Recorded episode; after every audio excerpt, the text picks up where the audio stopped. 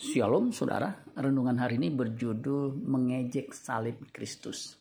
2 Petrus 3 ayat 3 dan 4. Yang terutama harus kamu ketahui ialah bahwa pada hari-hari zaman akhir akan tampil pengejek-pengejek dengan ejekan-ejekannya, yaitu orang-orang yang hidup menuruti hawa nafsunya. Kata mereka, di manakah janji tentang kedatangannya itu? Sebab sejak bapak-bapak leluhur kita meninggal, segala sesuatu tetap seperti semula pada waktu dunia diciptakan. Terjemahan firman Allah yang hidup 2 Petrus 3 ayat 3 dan 4 mengatakan begini. Pertama-tama saya ingin mengingatkan saudara bahwa pada zaman akhir akan datang pengejek-pengejek yang menertawakan kebenaran serta melakukan segala jenis kejahatan yang terlintas dalam pikiran mereka.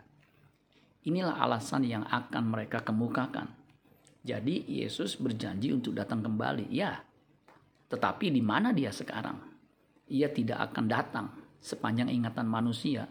Dunia tetap sama keadaannya sejak hari pertama penciptaan. Ada saja orang yang mengolok-olok kekristenan dan ajarannya serta simbolnya. Mereka yang suka mengejek salib bisa dikategorikan sebagai seteru salib Kristus. Filipi 3 ayat 18. Mereka karena seperti yang telah kerap kali kukatakan kepadamu dan yang kunyatakan pula sekarang sambil menangis. Banyak orang yang hidup sebagai seteru salib Kristus. Sebenarnya orang Kristen pun sering kali mengejek salib Kristus. Bagaimana bisa? Ketika mereka hidup menurut hawa nafsu mereka, sebenarnya mereka sudah mengejek Tuhan banyak orang Kristen yang hidup tidak seperti maksud salib itu diadakan.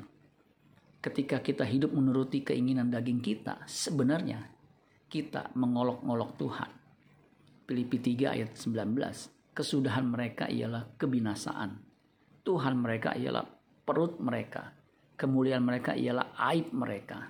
Pikiran mereka semata-mata tertuju kepada perkara duniawi akhir hidup orang yang mengolok-olok salib Kristus adalah kebinasaan.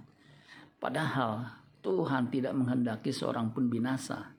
2 Petrus 3 ayat 9, Tuhan tidak lalai menepati janjinya.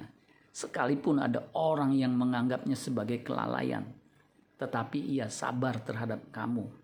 Karena ia menghendaki supaya jangan ada yang binasa, melainkan supaya semua orang berbalik dan bertobat. Mari kita bertobat dan berbalik kepada ajaran Kristus yang menyelamatkan. Amin buat firman Tuhan. Tuhan Yesus memberkati. Sola Gracia.